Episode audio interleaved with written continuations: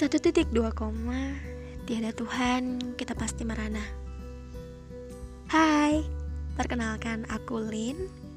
Ini adalah podcast pertama aku. Harapannya buat kalian yang mendengarkan podcast aku Semoga kalian nyaman dan bisa menjadi motivasi juga buat kalian pendengar aku.